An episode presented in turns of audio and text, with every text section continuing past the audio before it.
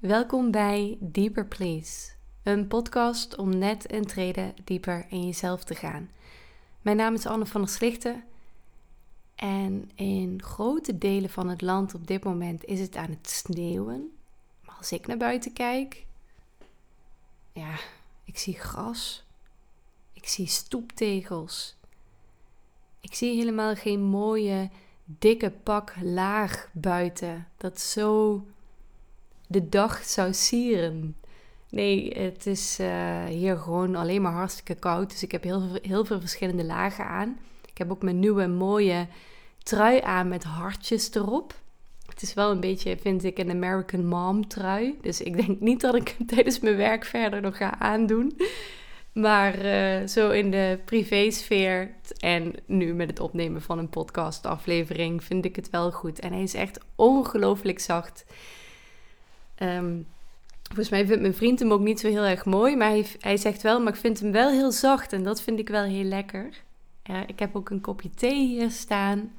Met kamille persik thee van Clipper. Niet dat Clipper mij trouwens steunt. Mag wel overigens, maar zo groot ben ik niet. En ik heb een glaasje water. En als je aan mij zou vragen wat ik het meeste tegenkom in mijn praktijk, dan zou ik zeggen dat een ander soms een beste vriend of vriendin van henzelf of van hun partner, dat ze daarna zijn gaan verlangen. Dat het soms een buurman of een buurvrouw is. Soms iemand van de sportschool. Soms een inspirerend persoon in iemands leven, zoals bijvoorbeeld een leraar. Maar meestal, meestal is het iemand in een omgeving waar we een groot deel van onze tijd doorbrengen. je raadt het misschien al, dat is onze werkomgeving. De meeste mensen die bij me komen, die zijn, zijn gaan verlangen naar een collega.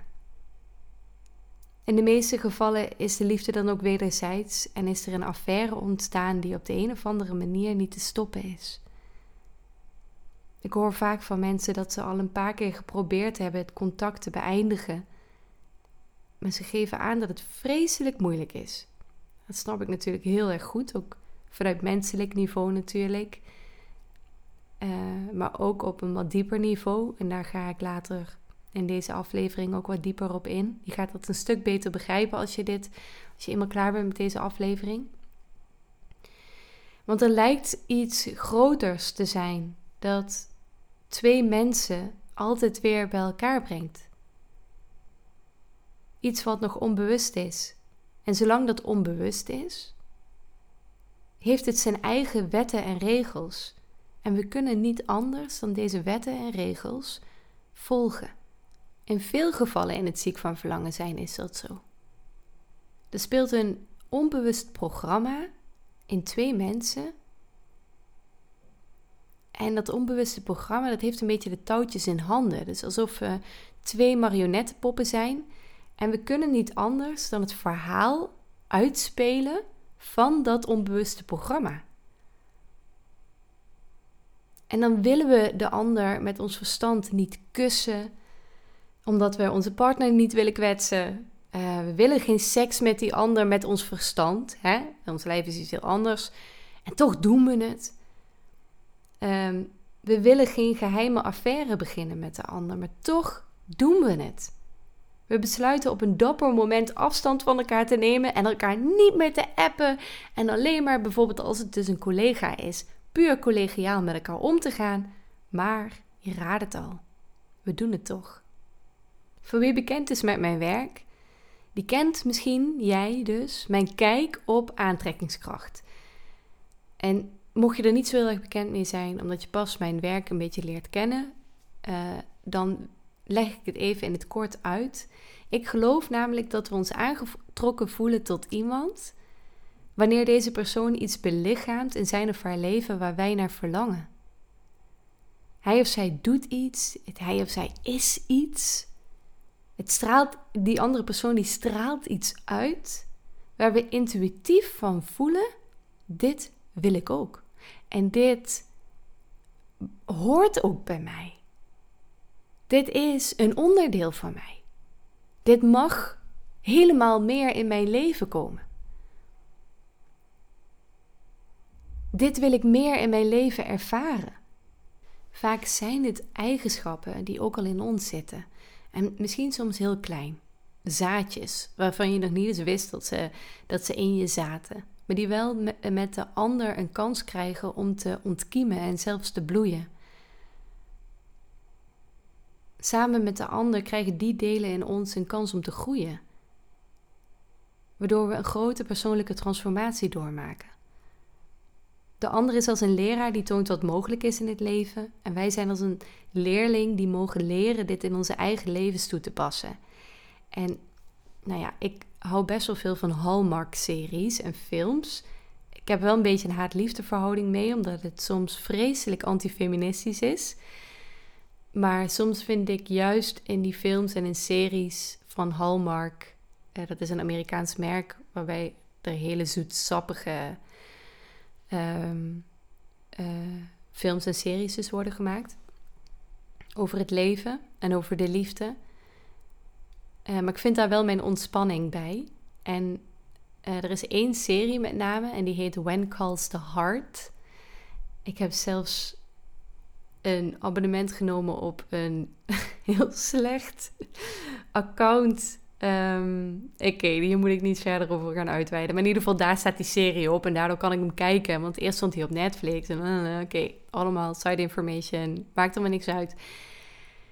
Maar en When Calls the Heart zeiden ze afgelopen week toen ik er aan het kijken was: sommige mensen zijn slechts voor een seizoen in je leven. En andere je hele leven. En misschien kende je deze zin al, maar ik dacht wel weer van ja, dit is zo herkenbaar. Dit is ook zo in het ziek van verlangen zijn. Sommigen zijn er voor een heel leven en andere mensen alleen maar om je iets te laten zien. En om iets open te breken, bijvoorbeeld in je leven. Om iets flink te veranderen, om de boel flink op te schudden. En het is een heuse kunst om er vrede mee te hebben als iemand er maar voor een seizoen was. Om je iets te tonen dus, om je iets te leren, waarna je weer je eigen pad mag vervolgen ik snap dat dat niet makkelijk is. Ik snap dat het verschrikkelijk is. En het is ook heel erg lastig om, om goed te begrijpen wanneer iemand dus voor een seizoen er is, of dus voor een heel leven. Want dat weet je vaak van tevoren niet.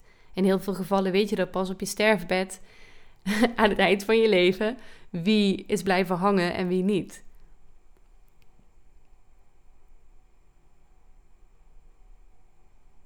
En wat je dan bij die ander ook ervaart, waarom het zo moeilijk is, is dat wat je bij die ander ervaart, dat is zo hemels, dat is zo heerlijk. Natuurlijk wil je dat dicht bij je houden. En je voelt dus ergens intuïtief gezien dat het ook iets is dat helemaal aan jou toe behoort. Maar we zien alleen maar die persoon en we zien niet die eigenschappen. We zien niet het, het dieper liggende verhaal, dat onbewuste programma dat ook speelt, waar ik zo verder op inga.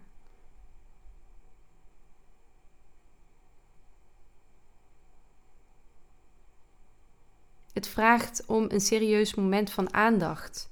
Om te kunnen benoemen wat er tussen jou en de ander gebeurt, wat je werkelijk zo raakt. Iets wat voor jou als mens van grote betekenis is, omdat dat, om dat juist nu in je leven te ervaren. Ik gebruik daarvoor de ziek van verlangen methode. Dat is een hele fijne, uitgebreide methode waarbij ik je een heleboel vragen stel om dat dieper liggende verhaal naar boven te halen. Uh, dat kan je zelfstandig doen in het online ziek van verlangen pakket dat op mijn website staat. Waarbij ik ook een aantal hele interessante lezingen heb uh, toegevoegd. En er is ook een interessante cursus waarbij je leert uh, hoe je bij jouw eigen wijsheid komt. Dat heel erg nodig is ten tijde van crisissen. En je krijgt dus daarin ook de ziek van verlangen methode. Maar natuurlijk, ik bied hem ook aan in een intensive. Ik bied hem niet aan in een enkele sessie, omdat een enkele sessie te kort is om hem helemaal te kunnen doen. En het vraagt een heleboel aandacht en het maakt een heleboel los. En daar moeten we ruimte voor hebben om dat ook te kunnen bespreken met elkaar. Uh, dat doe ik dus wel in een intensive. En een intensive is een kort programma van ongeveer 2,5 maand, uh, waarbij we één op één samenwerken. Je vindt meer informatie ook over een intensive op mijn website. Zodat we ook in zo'n intensive een flink meer helderheid in je leven kunnen brengen. En die diepere betekenis van het verlangen gaan zien, gaan begrijpen. Het verliefd worden op een collega is een heel interessant mechanisme binnen het ziek van verlangen proces. Ik doe dit werk al vanaf 2016 en keer op keer hoor ik iets wat mijn aandacht trekt. En ik vind het heel leuk om dit nu vandaag met jou te mogen delen. Ik ben het de laatste tijd al hier en daar met mensen ook in sessies steeds meer aan het delen. Um, het is ook een verzameling wel van allerlei vondsten van de afgelopen jaren.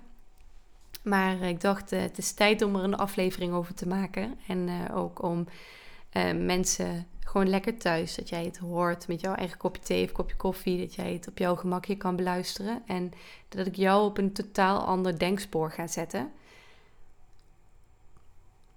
Wat ik hoor en dat is ook nodig, want heel vaak zitten we in een crisis in een denkspoor dat alleen maar een doodlopende weg is. En ik wil heel graag je helpen steeds weer op denksporen te zetten, waardoor je wel weer mogelijkheden ziet. En waardoor er wel beweging ook mogelijk is. En niet alleen maar dat vastzitten en dat stilstaan. Dat is eigenlijk alleen maar mijn werk. Dat ik alleen maar kijk waar is wel beweging mogelijk. en waar staan we stil in? Oh my god. Ja, zo intens is dat hè. Dat stilstaan. Maar wat ik dus hoor bij mensen is dat ze op het werk echt zichzelf kunnen zijn. Kijk, en dan denk ik: oké, dit is interessant. Hier gebeurt iets. Alsof daar hun ware ik tot bloei komt. En dat ze thuis bij hun eigen gezin en gezin van herkomst, of je eigen relatie, je hoeft natuurlijk geen kinderen te hebben. Maar dat, je, dat ze daar weer iemand worden waar ze helemaal niet blij mee zijn. Op het werk voelt iemand zich helemaal in zijn of haar kracht. Maar zodra ze dus thuis zijn, dan wordt er veel frustratie, woede of gevoelens van neerslachtigheid ervaren zelfs. Dus wat is hier, wat gebeurt hier? Waarom daar wel en hier en thuis niet? Ik zeg even thuis niet en hier niet, omdat ik op dit moment thuis ben. Ik zie gebeuren dat we thuis in onze relatie of huwelijk verder gaan waar onze ouders gebleven zijn. Maar dat we daar op het werk helemaal geen last van hebben. Want op het werk beginnen we weer vanaf nul. En dan krijgen we een kans om onszelf opnieuw uit te vinden. Dus we gaan verder, ik herhaal het nog een keer.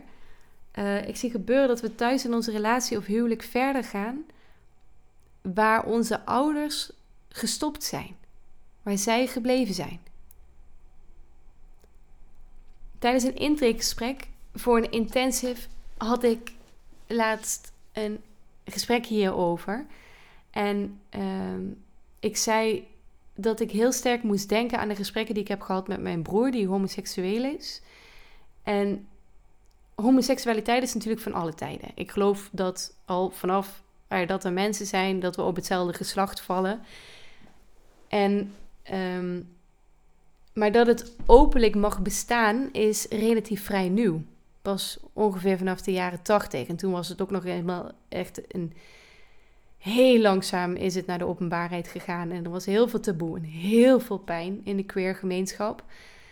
Is er nog steeds natuurlijk. Want uh, ook in Nederland, uh, ik zou willen zeggen, zijn we om, uh, ook nog helemaal niet vrij.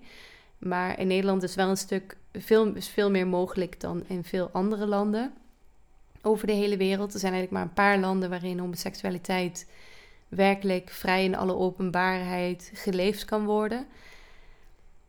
En maar de reden waarom ik dit vertel is voor een hele lange tijd moesten mensen die op hetzelfde geslacht vielen in het geheim hun ware aard beleven. En dus vanaf de jaren tachtig is er langzaam verandering in gekomen. Maar voor de mensen die dus nu queer zijn, die hebben heel weinig voorbeelden in de openbaarheid van het bedrijven van de liefde in de breedste zin van het woord.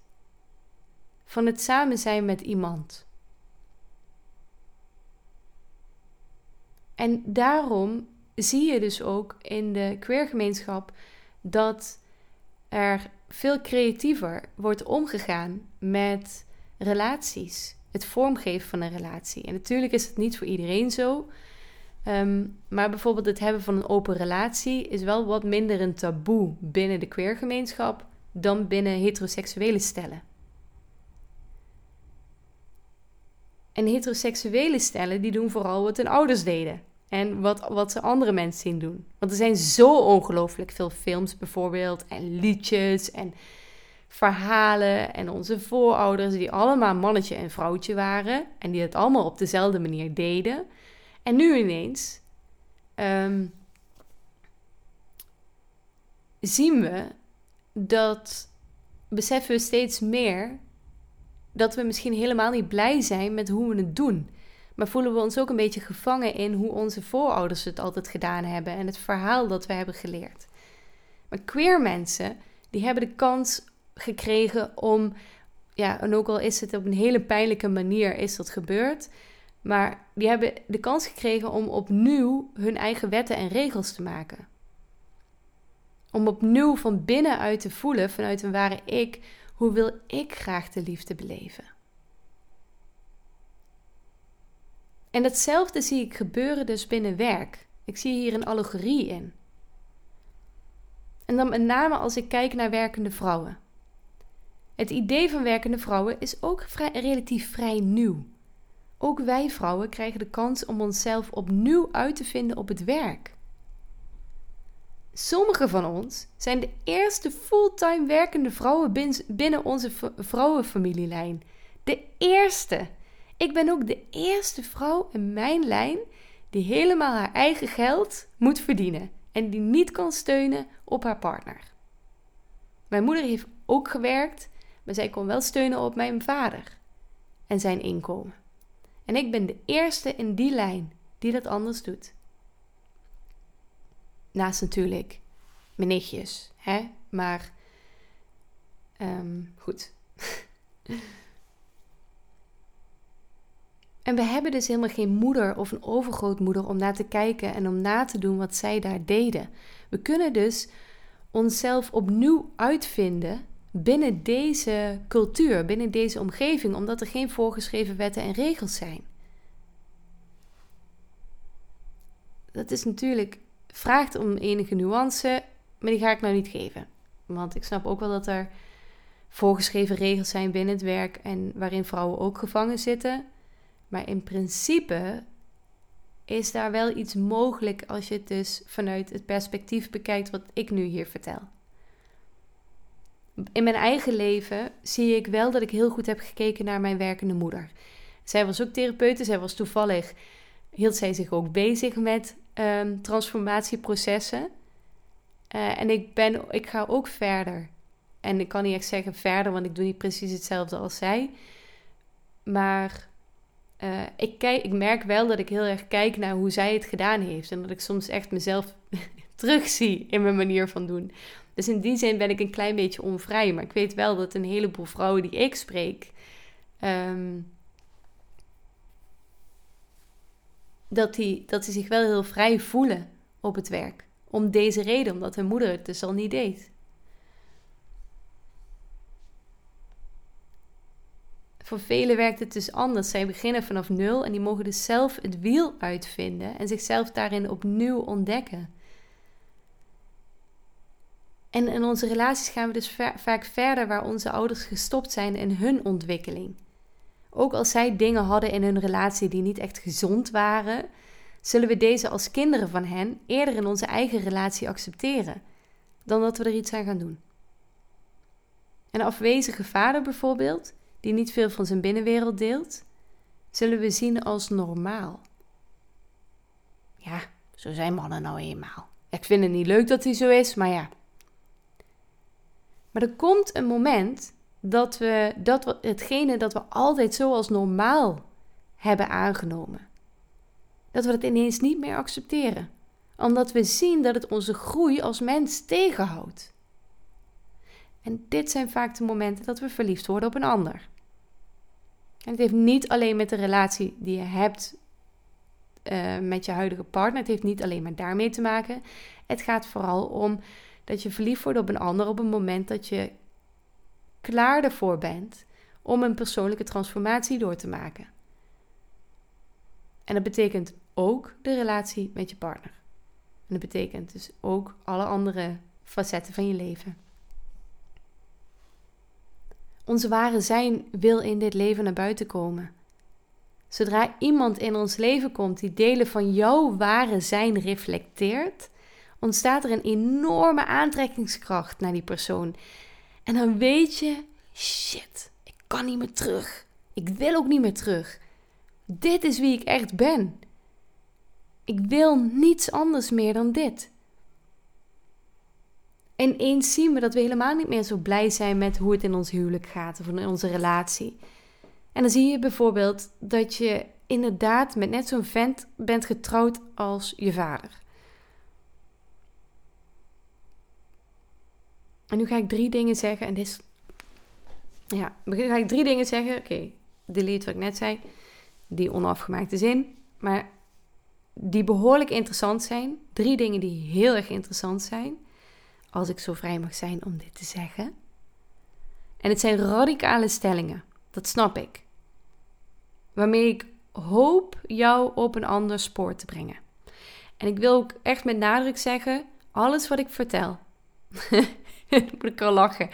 Alles wat ik vertel is waar en niet waar.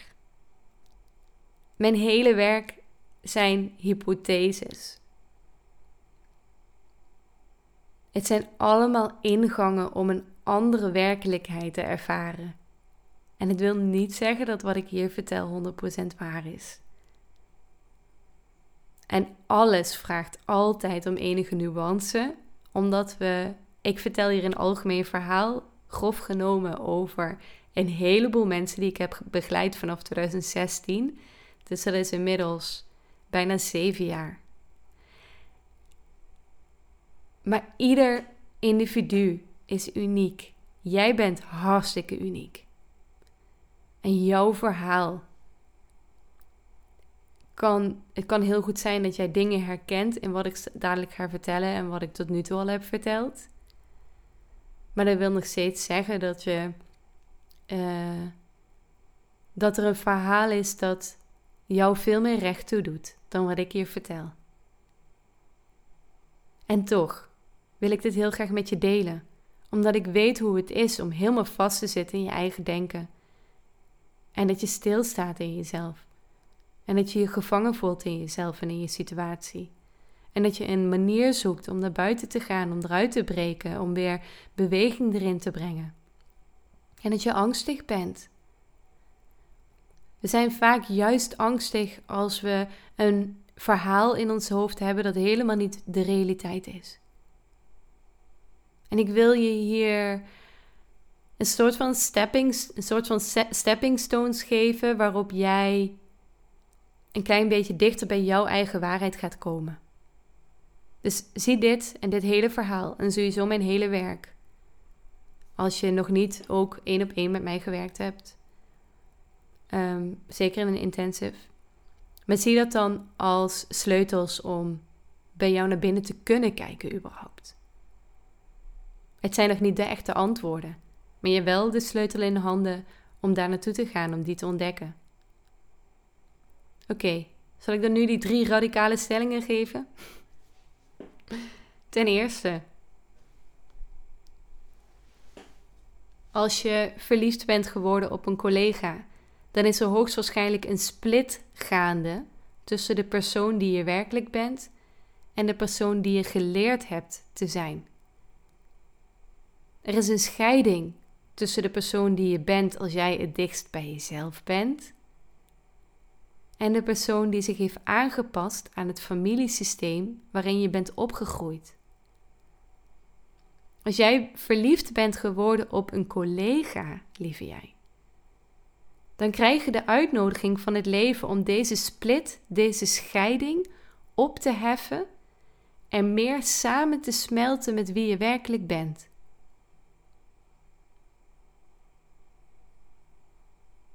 Is ook een behoorlijk belangrijk moment in je leven, zou ik zeggen. Dit. Ten tweede, de persoon waar je verliefd op bent is de derde persoon in je relatie op dit moment. Of in je huidige huwelijk. jou ziek van verlangen, dat is de persoon waar je naar bent gaan verlangen, is het medicijn voor de pijn die in jouw huidige relatie leeft. Dat wat jou zo raakt in de aanwezigheid van jouw ziek van verlangen. Dat is het medicijn voor al die conflicten die je door de jaren heen bent tegengekomen in je relatie, die niet op te lossen leken. Als je leert te zien wat de diepere betekenis is van jouw verlangen, dan zou je dit in de loop van de tijd als heling voor je relatie en voor jouw familielijn ook kunnen inzetten. Want nogmaals, je gaat dus verder Ehm, op het punt waar je ouders gestopt zijn. Je komt waarschijnlijk dezelfde problemen tegen die zij ook tegenkwamen. En die andere persoon waar je naar bent gaan verlangen en datgene wat je samen met die persoon ervaart, dat is de heling voor de conflicten die in de familielijn bestaan. Waardoor en dit is heel erg mooi nieuws, dat als jij kinderen hebt, of als je, als je graag kinderen wil op een gegeven moment, dat zij vrijer in hun liefdesleven kunnen gaan staan. En dat ze hun liefdesleven kunnen gaan vormgeven vanuit hun ware ik. Veel meer vanuit wat goed voelt voor hen. En dat ze minder belemmerd zullen zijn. Weet dus dat je heel belangrijk werk doet als ouder. En ook misschien dus als voorouder voor jouw kleinkinderen ook weer en achterkleinkinderen. Dat dit een heel belangrijk moment is om iets wezenlijks dat in jouw familielijn bestaat en in jouw leven bestaat, om daar verandering in te kunnen brengen. Dat als jij dichter bij jouw ware ik komt, dat je daarmee anderen ook bevrijdt. Zij die naar jou komen.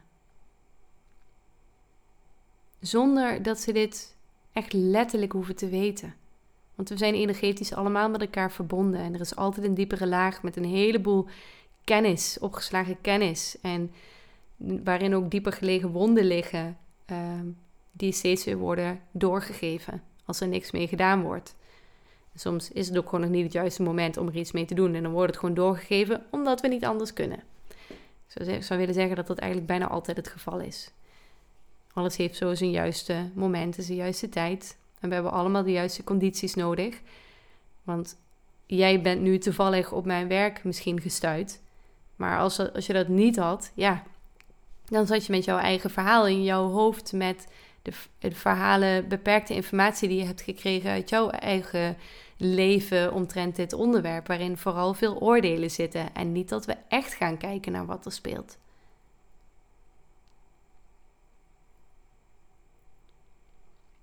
Oké, ten derde. En dit is een pittige. Niemand groeit op in een gezin waar alles helemaal perfect is. We worden allemaal, ja, ik zou niet willen zeggen beschadigd, maar er is altijd wel wat. Er is altijd wel iets waar we nog op latere leeftijd last van zullen hebben. Op een of andere manier. Ons ware zelf waarmee we geboren worden, zal op een of andere manier door onze omgeving, of dat nou ons gezin is, hè, of daarbuiten, dat kan ook school zijn, kan middelbare school ook zijn. Dat kunnen de buren zijn ook. Ons ware zelf waarmee we geboren worden, zal op een of andere manier door onze omgeving niet tot bloei kunnen komen. Want we zullen geregeld ontkend worden in onze kracht en onze talenten waarmee we hier op aarde zijn gekomen. We hebben van kinds af aan het nodig dat we echt worden gezien door de mensen om ons heen. Dat het wordt geaffirmeerd. En anders stoppen we het weg. Anders verdwijnt het in de lucht, dan uiten we het, maar er is niemand die het beantwoorden kan en dan verdwijnt het. Poef, Juist door een ander kan het weer, zien we onszelf. En maar als er niet iemand is die onszelf en ons ware zelf kan teruggeven, dan zien we onze ware zelf ook niet voor onszelf.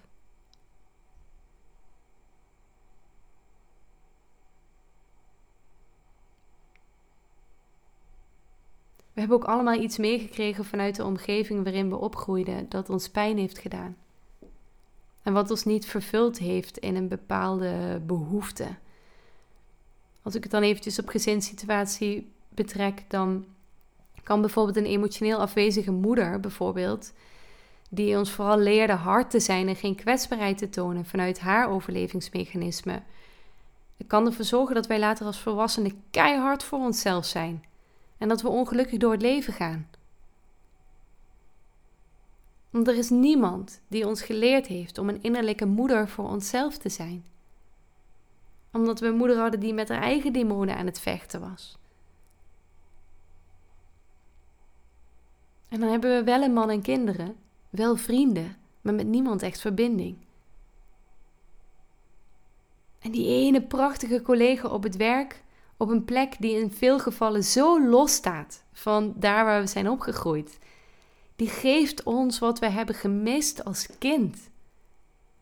Hadden we een emotioneel afwezige moeder dus, dan laat deze andere persoon ons zien wat het betekent om, om zacht te zijn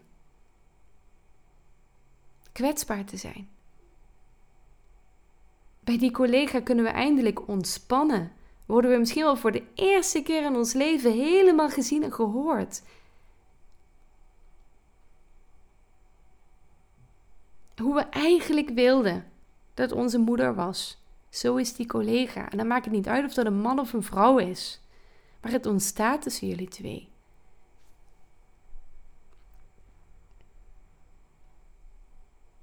dat wat zo mooi is, wat we bij de ander ervaren. Dat is de brug tussen ons ware ik en ons, en ons geconditioneerde, ons aangeleerde ik. Misschien ook wel een beetje onze survival ik, hè?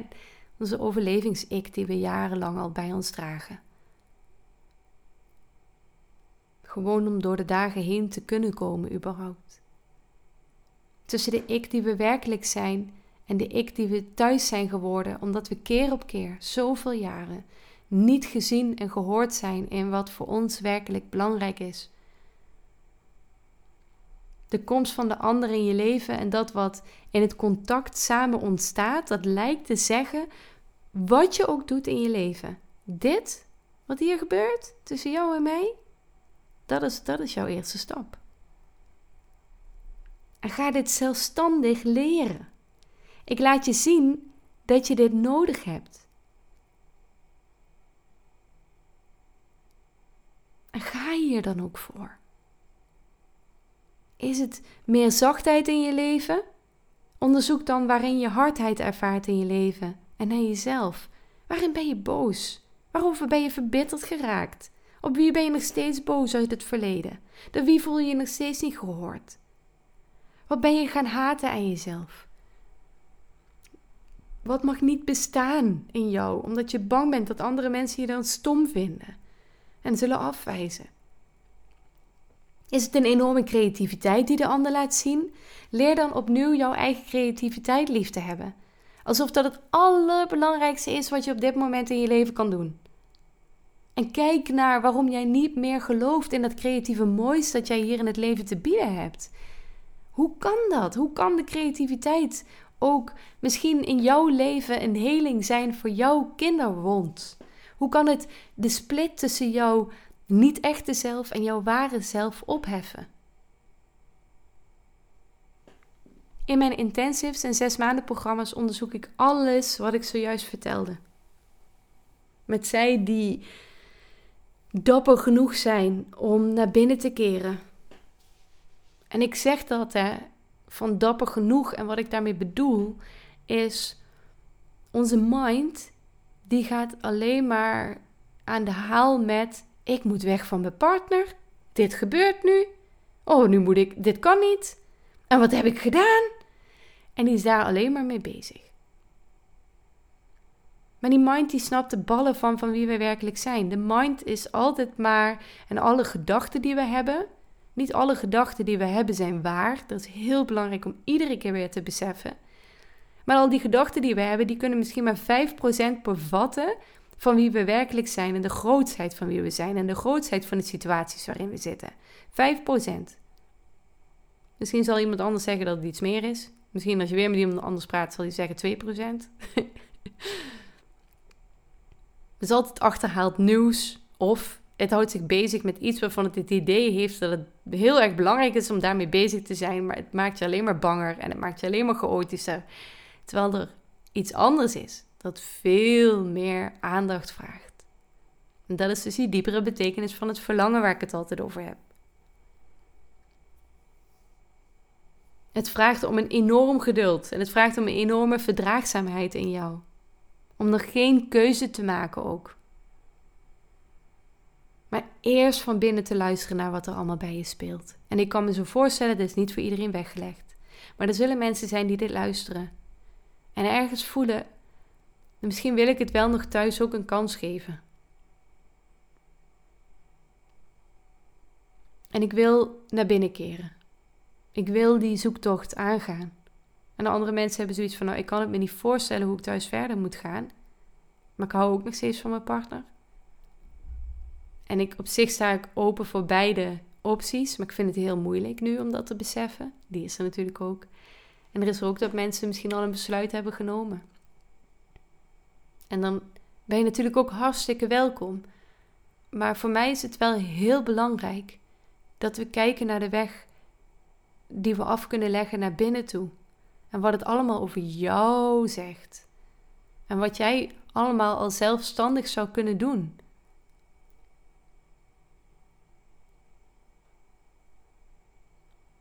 En misschien vraagt het ook al van je dat je al een beetje, al een beetje begrijpt hoe je gedachten werken. Dat je misschien al een keer een mindfulness cursus hebt gedaan, bijvoorbeeld.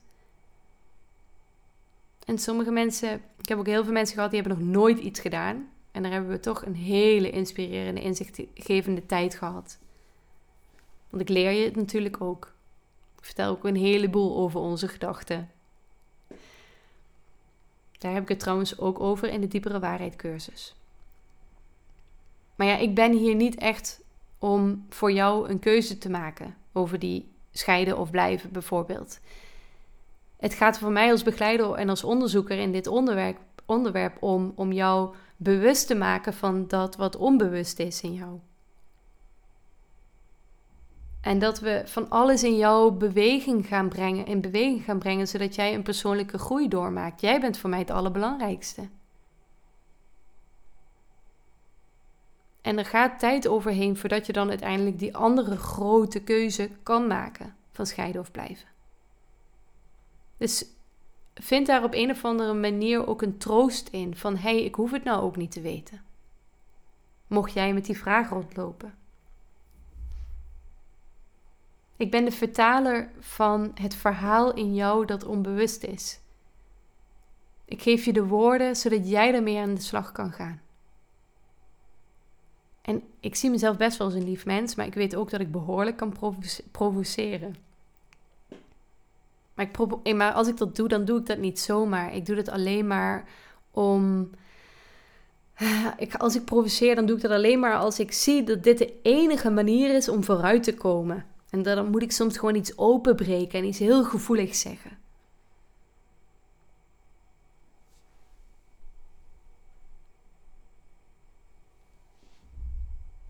En eerder in dit hele verhaal noemde ik dat, in, dat mensen soms het contact met een ziek van verlangen niet kunnen verbreken.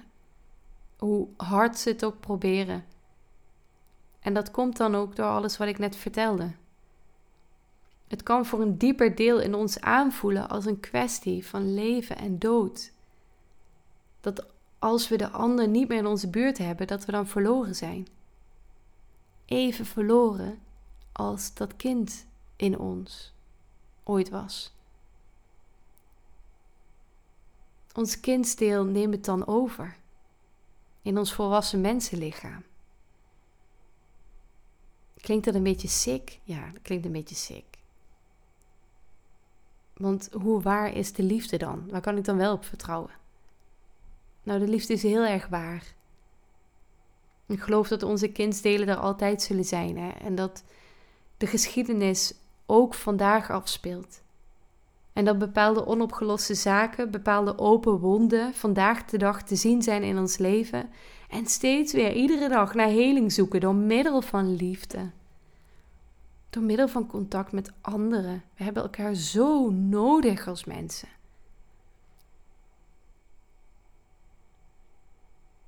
Om ons echte ik te kunnen zien.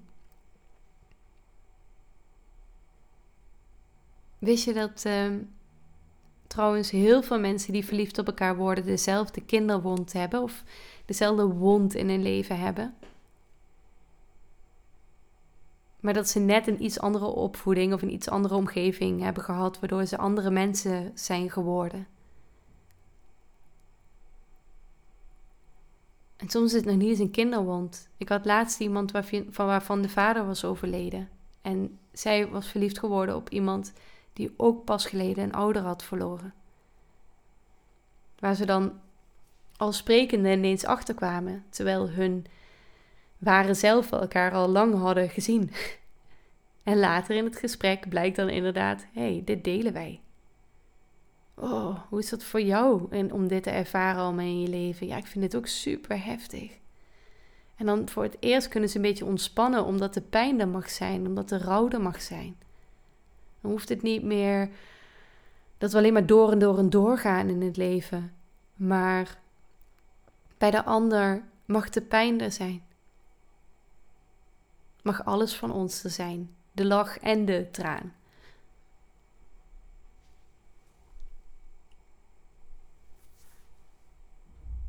We zoeken als mensen steun bij elkaar. We zoeken heling bij elkaar.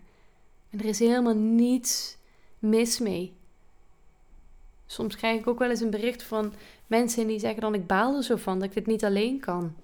Maar dat is iets dat zo aangeleerd is vanuit onze individualistische cultuur. Waarin uh, het idee van een held centraal staat. En de held die lost het allemaal in zijn eentje op. Maar we zijn mensen, hè? En we hebben echt elkaar nodig. De ander is een verlengde van ons ik. Dus zoek steun, of het nou bij mij is of bij iemand anders. We kunnen, als het, iets, als het, als het te groot voelt om alleen te dragen, dan is het ook te groot om alleen te dragen. En dan is het helemaal niet de bedoeling dat je het in je eentje draagt.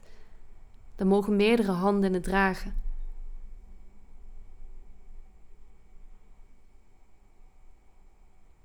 Maar ik wil iedereen sowieso uitnodigen om dat onderzoek aan te gaan, om het onbewuste verhaal in jezelf bewust te maken. En zodra die waarheid in jou wordt aangeraakt, dan komt er van alles in beweging. Dan is het bijvoorbeeld ineens wel mogelijk om afstand te nemen van je collega. Of dan uh, om bijvoorbeeld de zaak een beetje op rijtje te kunnen zetten. Dat zou dan een goede reden kunnen zijn. Dat je even wat meer rust en pauze inlast in dit hele proces.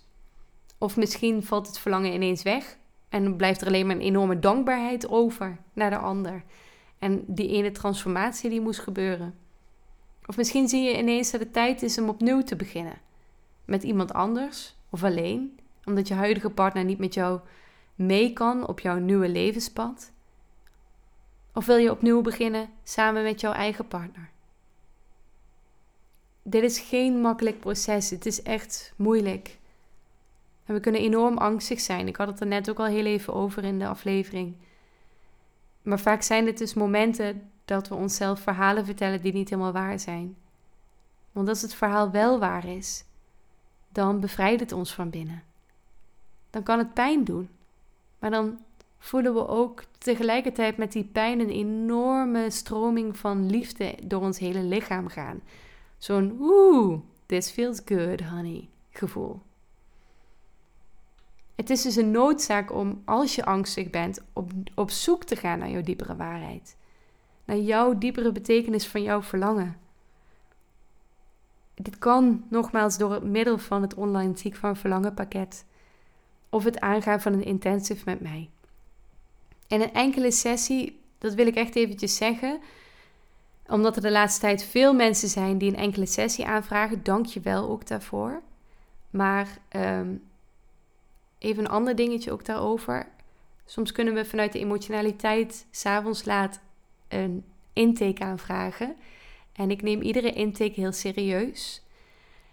Ehm, en als je bijvoorbeeld van mij een reactie krijgt, of je krijgt geen reactie, je denkt, waarom heb ik nog geen mail terug? Kijk dan altijd in je spam ten eerste. En ten tweede, als ik dan een reactie stuur, maar je ziet er toch van af, mail me eventjes met: Hey, ik ga iets anders proberen, of nu even niet. Misschien kom ik later weer bij je terug. Ehm, want ik merk dat ik hier en daar soms uh, achter mensen aan moet mailen. En dat voelt niet helemaal goed. Dus ehm, neem zelf die verantwoordelijkheid ook. Ik ben niet iemand waarbij je zo je verhaal. Ehm, ik ben ook gewoon een mens en ik doe dit voor mijn werk. Uh, en ik vind het ook niet fijn als mensen dan gewoon hun verhaal vertellen en daarna, oh, en nu ben ik weg, doei. Want alles raakt mij ook, hè. En dan denk ik, oh, ik wil graag met jou werken. Ja, dit... en ik zie gelijk mogelijkheden als ik dan zo'n intake uh, binnenkrijg, zo'n ingevulde vragenlijst. En dan gaat er bij mij gaat er al van alles bewegen. Ook op energetisch niveau. Dat ik gelijk al, woep, krijg ik een naam binnen en dan ben ik, ben ik al afgestemd op jou. Dus dan is het voor mij ook belangrijk om te weten wanneer die verbinding verbroken mag worden. Dus eventjes lekker spiritueel gezegd.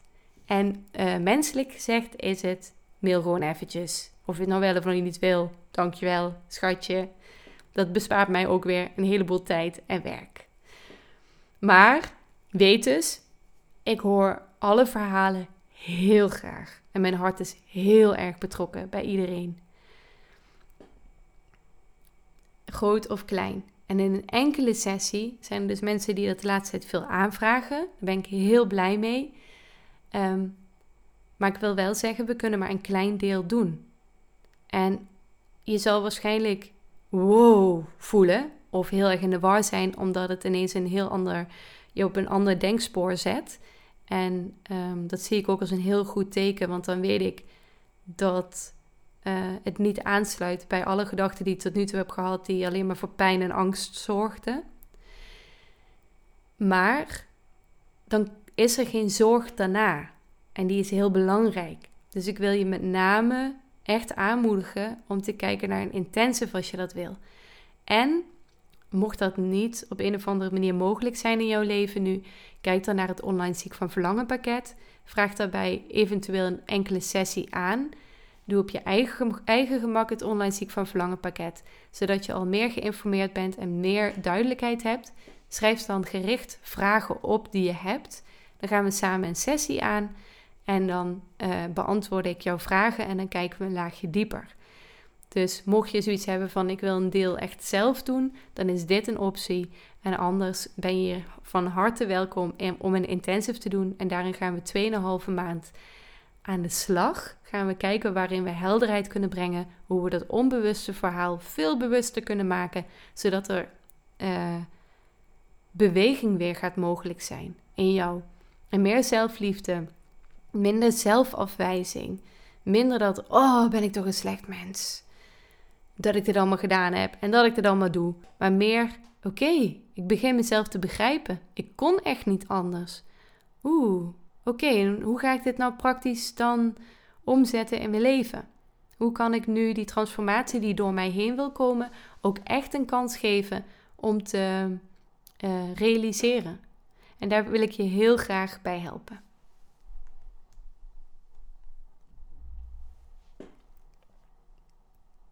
En het leuke is trouwens, bij een uh, intensive krijg je het online ziek van verlangen pakket als bonus erbij. Dat is een heel fijn nazorgwerk waar je dan onbeperkt toegang tot hebt, waardoor je uh, ook als we klaar zijn met de intensive ook weer terug kan kijken en even kan zien hoe zat het ook alweer als je het even kwijt bent.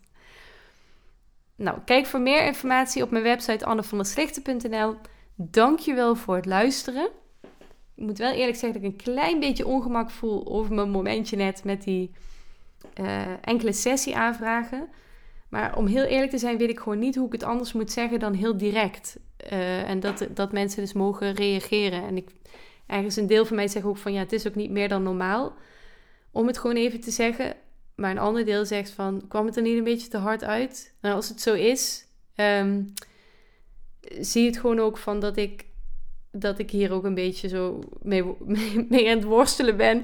Van hoe zeg je zulke dingen heel netjes. Uh, want ik merk gewoon dat er meer en meer mensen komen. En uh, met de groei van een uh, eigen onderneming komen er ook weer nieuwe uitdagingen. En dit is er eentje van. Oh, help, help, help, help, help. Oké, ik ga afronden. Dag, schatje. tot de volgende keer. Dankjewel voor het luisteren. En ehm, ik hoop dat ik je heb mogen raken en dat ik uh, je nieuwsgierig heb gemaakt naar meer. En dat ehm, er delen zijn waarvan jij denkt van... hey, dit voelt heel erg waar voor mij aan. Hmm, ik ben benieuwd naar meer.